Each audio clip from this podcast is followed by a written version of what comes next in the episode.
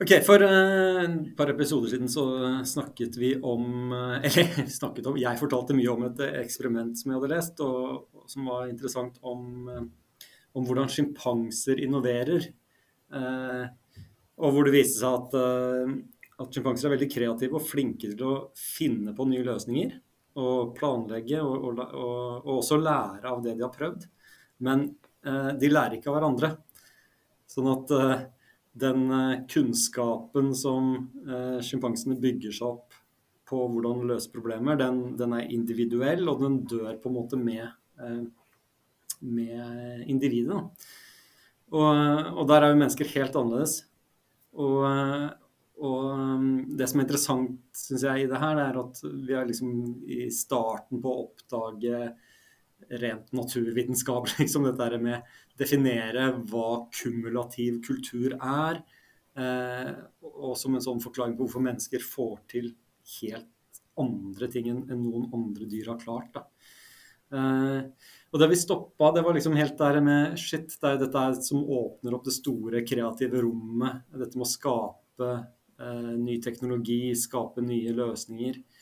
Eh, og hvordan hva dette er å si for vår hverdag, da, hvor vi faktisk jobber med å lage nye ting. Eh, det var der vi stoppet, og det var det vi har lyst til å fortsette å prate litt om, tenkte jeg. Mm.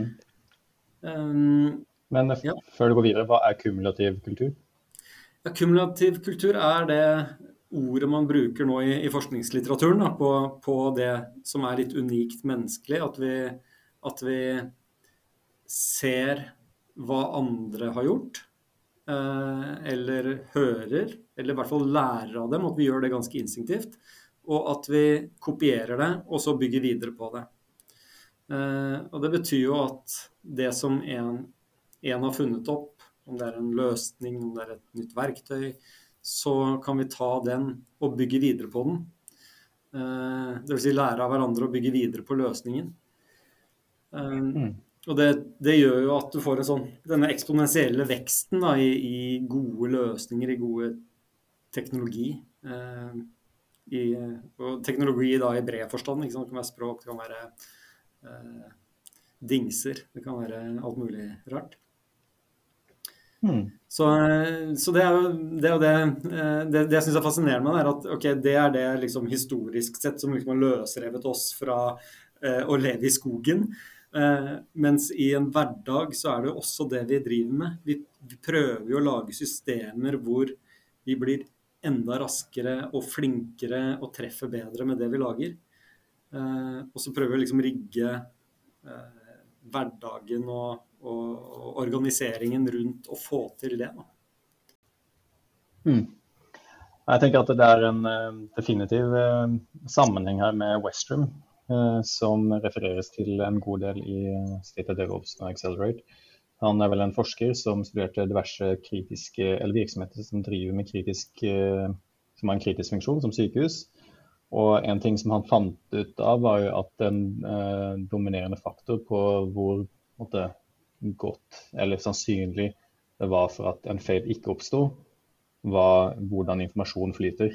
Mm. Så lagde han en sånn trappetrinnsmodell, eller en sånn uh, topology-modell, da, som han kalte det for, med da pessimistic uh, ikke, Nei, sorry, ikke pessimistic, men pathological uh, climates, bureaucratic climates og generative climates. Og desto bedre eller desto mer fri flyt det var informasjon, desto høyere opp gikk du på på den trappetrinnsmodellen hans. Og det er jo relatert til den der kumulative kulturtankegangen. da som er unikt for mennesker, er jo måte, at vi mm. klarer å lære av hverandre. Og for at vi skal kunne lære av hverandre, så må informasjon kunne flyte mer eller mindre fritt mellom folk. Mm.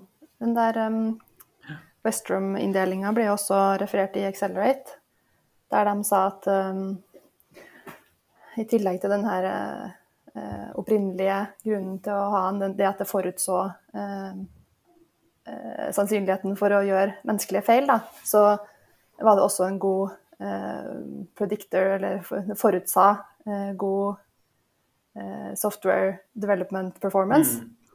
Og da er det jo litt interessant å tenke litt på OK, eh, har det her sjimpanseforsøkene noe med det å gjøre, da? Eh, at man kan relatere det på den. Ja, det, det, det, som eh, overrasker meg litt sant, når vi snakker om det her, er at liksom, Westrum er en veldig fin sånn, modell for kultur. Det er lett å kjenne seg igjen sånn, på overflaten. Hvis du bare har et sånn overflatisk forhold til det og har sett på noen slides, så virker inndelingen veldig riktig eh, og veldig stilisert og sånn. Men hvis du graver litt inn i dybden i hva den egentlig sier, så handler det om et sånn skille mellom menneskene, altså individene, og informasjonen, og, og, at informasjonsflyten mellom mennesker og hvordan den blir behandla, er, er, liksom det sentrale. Det tenker jeg, det er liksom litt essensen av det som også er i, i, i dette skillet mellom mennesker og sjimpanser, er jo akkurat det. Vi klarer å Kunnskapen om løsningen er noe annet enn mennesket som gjør det, på en måte, enn en, en individet. Så ideene mm. lever liksom ved siden av på en måte så kan du si at eh, det, eh, den, måte, den måte, laveste typen av kultur som Western måte, beskriver, er ganske lik kanskje den type kultur som man kanskje så i det sjimpanseeksperimentet. Den pathological climate, eller pathological måte, kulturen. Og det er jo en kultur som er litt sånn eh, maktbasert. Dvs. Si at det, var, det er én person som bestemmer, og så er det lite eller kanskje et få knippe personer da, som bestemmer. Og så er det lite samarbeid på tvers, og det er lite informasjonsflyt. Og folk får vite informasjon bare fordi noen prøver å få deg til å gjøre noe. Da. Jeg vil si, informasjon er en verdi, da, er en asset. Mm. Det er veldig sånn need to know basis. Ja, da fikk jeg veldig, da fikk jeg lyst til å hive fram en brannfakkel. fordi veldig ofte så snakker vi om at vi Eh, skal dyrke fram en menneskeorientert kultur. Eh, men jeg tenker som evolusjonsbiolog jeg tenker eh, at det å sitte og holde tilbake informasjon, det å bruke informasjon som en slags maktmiddel, det er veldig menneskelig. Så kanskje det er feil å si Eller kanskje ikke det vi ønsker er en menneskeorientert kultur, men kanskje det vi ønsker er en idéorientert kultur. Hva for å sette litt på spissen, da? Ja, men Det er interessant, da, fordi det du sier der er jo egentlig den tredje typen kultur som Westham snakker om. Og Den tredje typen er det han kaller for generative organizational culture, eller performance oriented. Det vil si at uh, informasjon på det nivået da, er at det deles i tilfelle du trenger det, fordi det kan hende at du har en god idé til hvordan vi kan bevege oss nærmere målet. Og alle er egentlig ikke motivert for å følge en leder nødvendigvis, men alle folkene er motivert for å følge et mål. da. Mm. Og i den type kulturer så er det høyt samarbeid. Og de som formidler informasjon, er, er, måte, er, satt pris på og er trent til å formidle informasjon på en god måte. Man deler risikobildet. Man eh, oppfordrer folk til å samarbeide tvers av silo og avdeling og den type ting. Og man liker liksom nyskapning og nye ideer. Så det du snakker om, er, om en idégenerert kultur, er jo på en måte en generative organizational culture. Kult. Jeg, mm. hmm, jeg burde jobbet sammen med Westrum, er det det du sier? det burde definitivt. Han, eh, han beskrev også måte, den, eh, den, andre type kultur, da, den som er midt imellom de to forskjellige, som han kaller for bureaucratic uh, culture, eller rule-oriented. Og den er da midt imellom de, det vil si at det er liksom, måte, middels på alle parametere. Men der er det liksom verken en leder som bestemmer, eller mål eller idé som bestemmer, men det er heller på en måte reglene som bestemmer. Da. Alle er opptatt av å følge reglene. Veldig sånn byråkratisk kultur. Og han uh, hadde noen anekdoter i en sånn paper han skrev. Jeg tror han sa det var uh, under 9-11. Uh, eh, det var et system som førte til at politiet ikke kunne informere brannmennene om at det tårnet kom til å kollapse. Så det er liksom systemet som holder igjen. Da. Men alle er opptatt av å følge systemet. Mm. Det er også interessant om... å høre Å oh, ja, unnskyld. Nei, sorry, Ingrid. Nei, jeg har tenkt på det her med uh, det med psykologisk trygghet uh, i, relatert til det her er også veldig interessant. Fordi um, man kan jo anta at det ikke var spesielt høy grad av psykologisk trygghet hvis man ikke tør å si fra om uh, forestående katastrofer. og i den uh, maktorienterte, da, eller eh, patologiske uh, kategorien, så er jo det, det, er jo det Da dere hadde episodene om psykologisk trygghet tidligere i Drypp, så når dere beskrev de uh,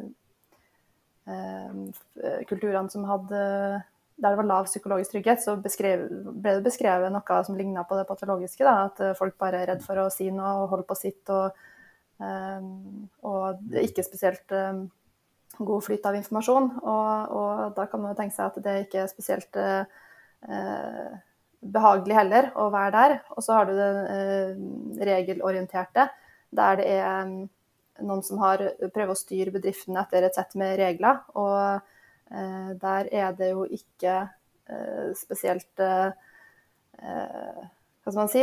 Reglene er først, og så kommer på en måte målet nederst. Og så har du en setting der det er plutselig liksom komplisert å dele.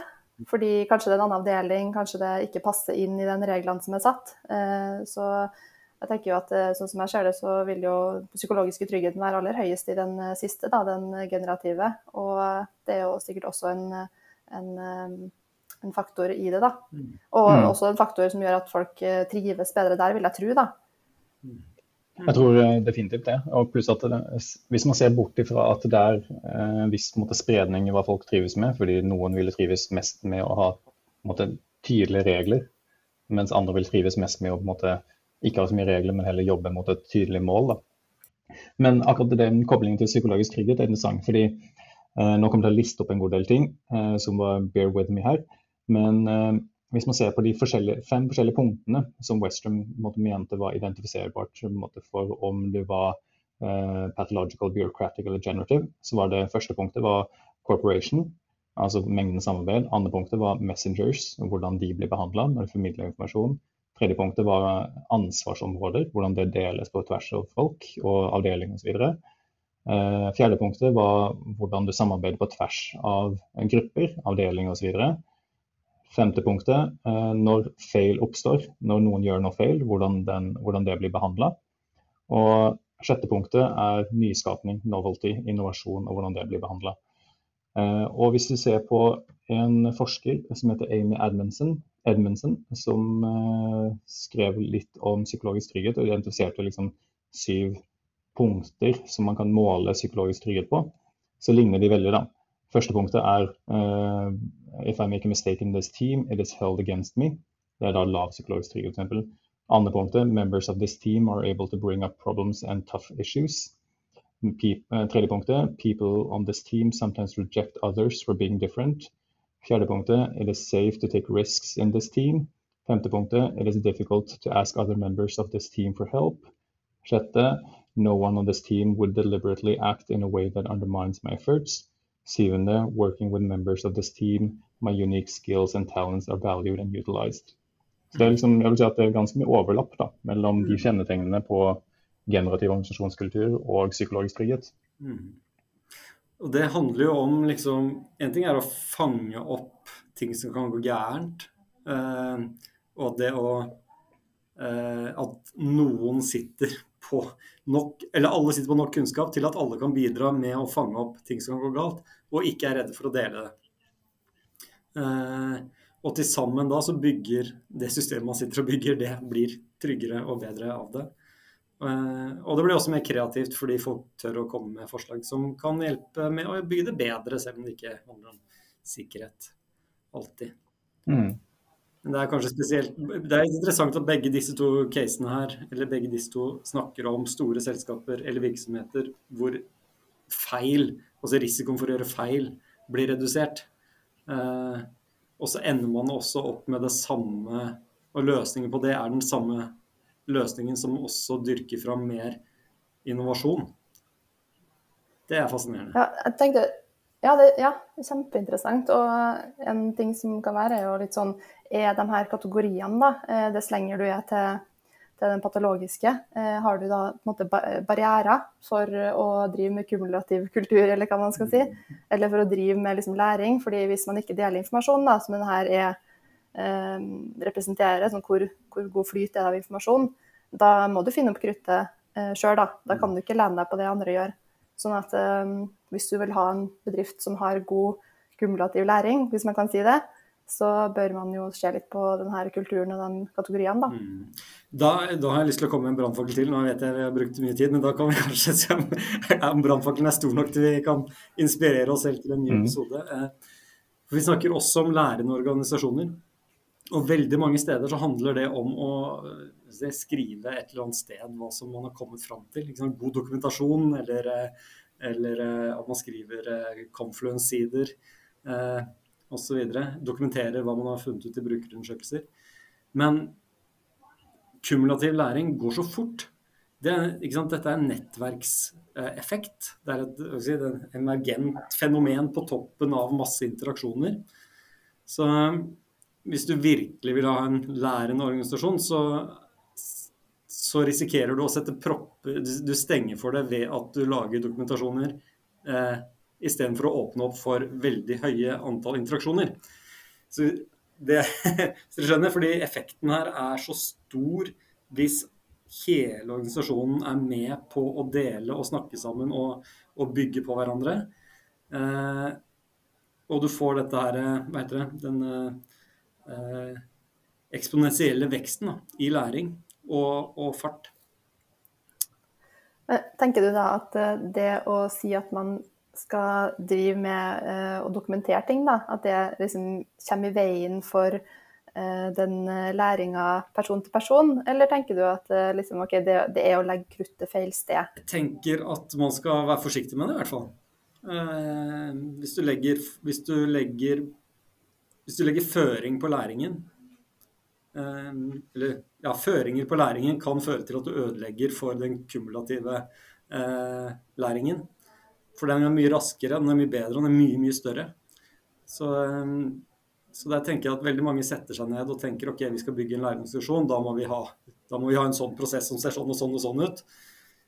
Og det du gjør da, er faktisk å ta livet av den lærende organisasjonen din. Tror jeg. Det er en brannfakkel i hvert fall. La oss uh, diskutere neste episode. Takk for nå. Ha det.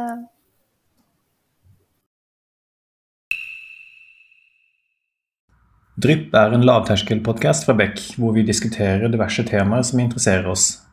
Og Hvis du har et tema som du har lyst til at vi skal snakke om, eller du vil være med på en innspilling, ta kontakt på drypp.beck.no.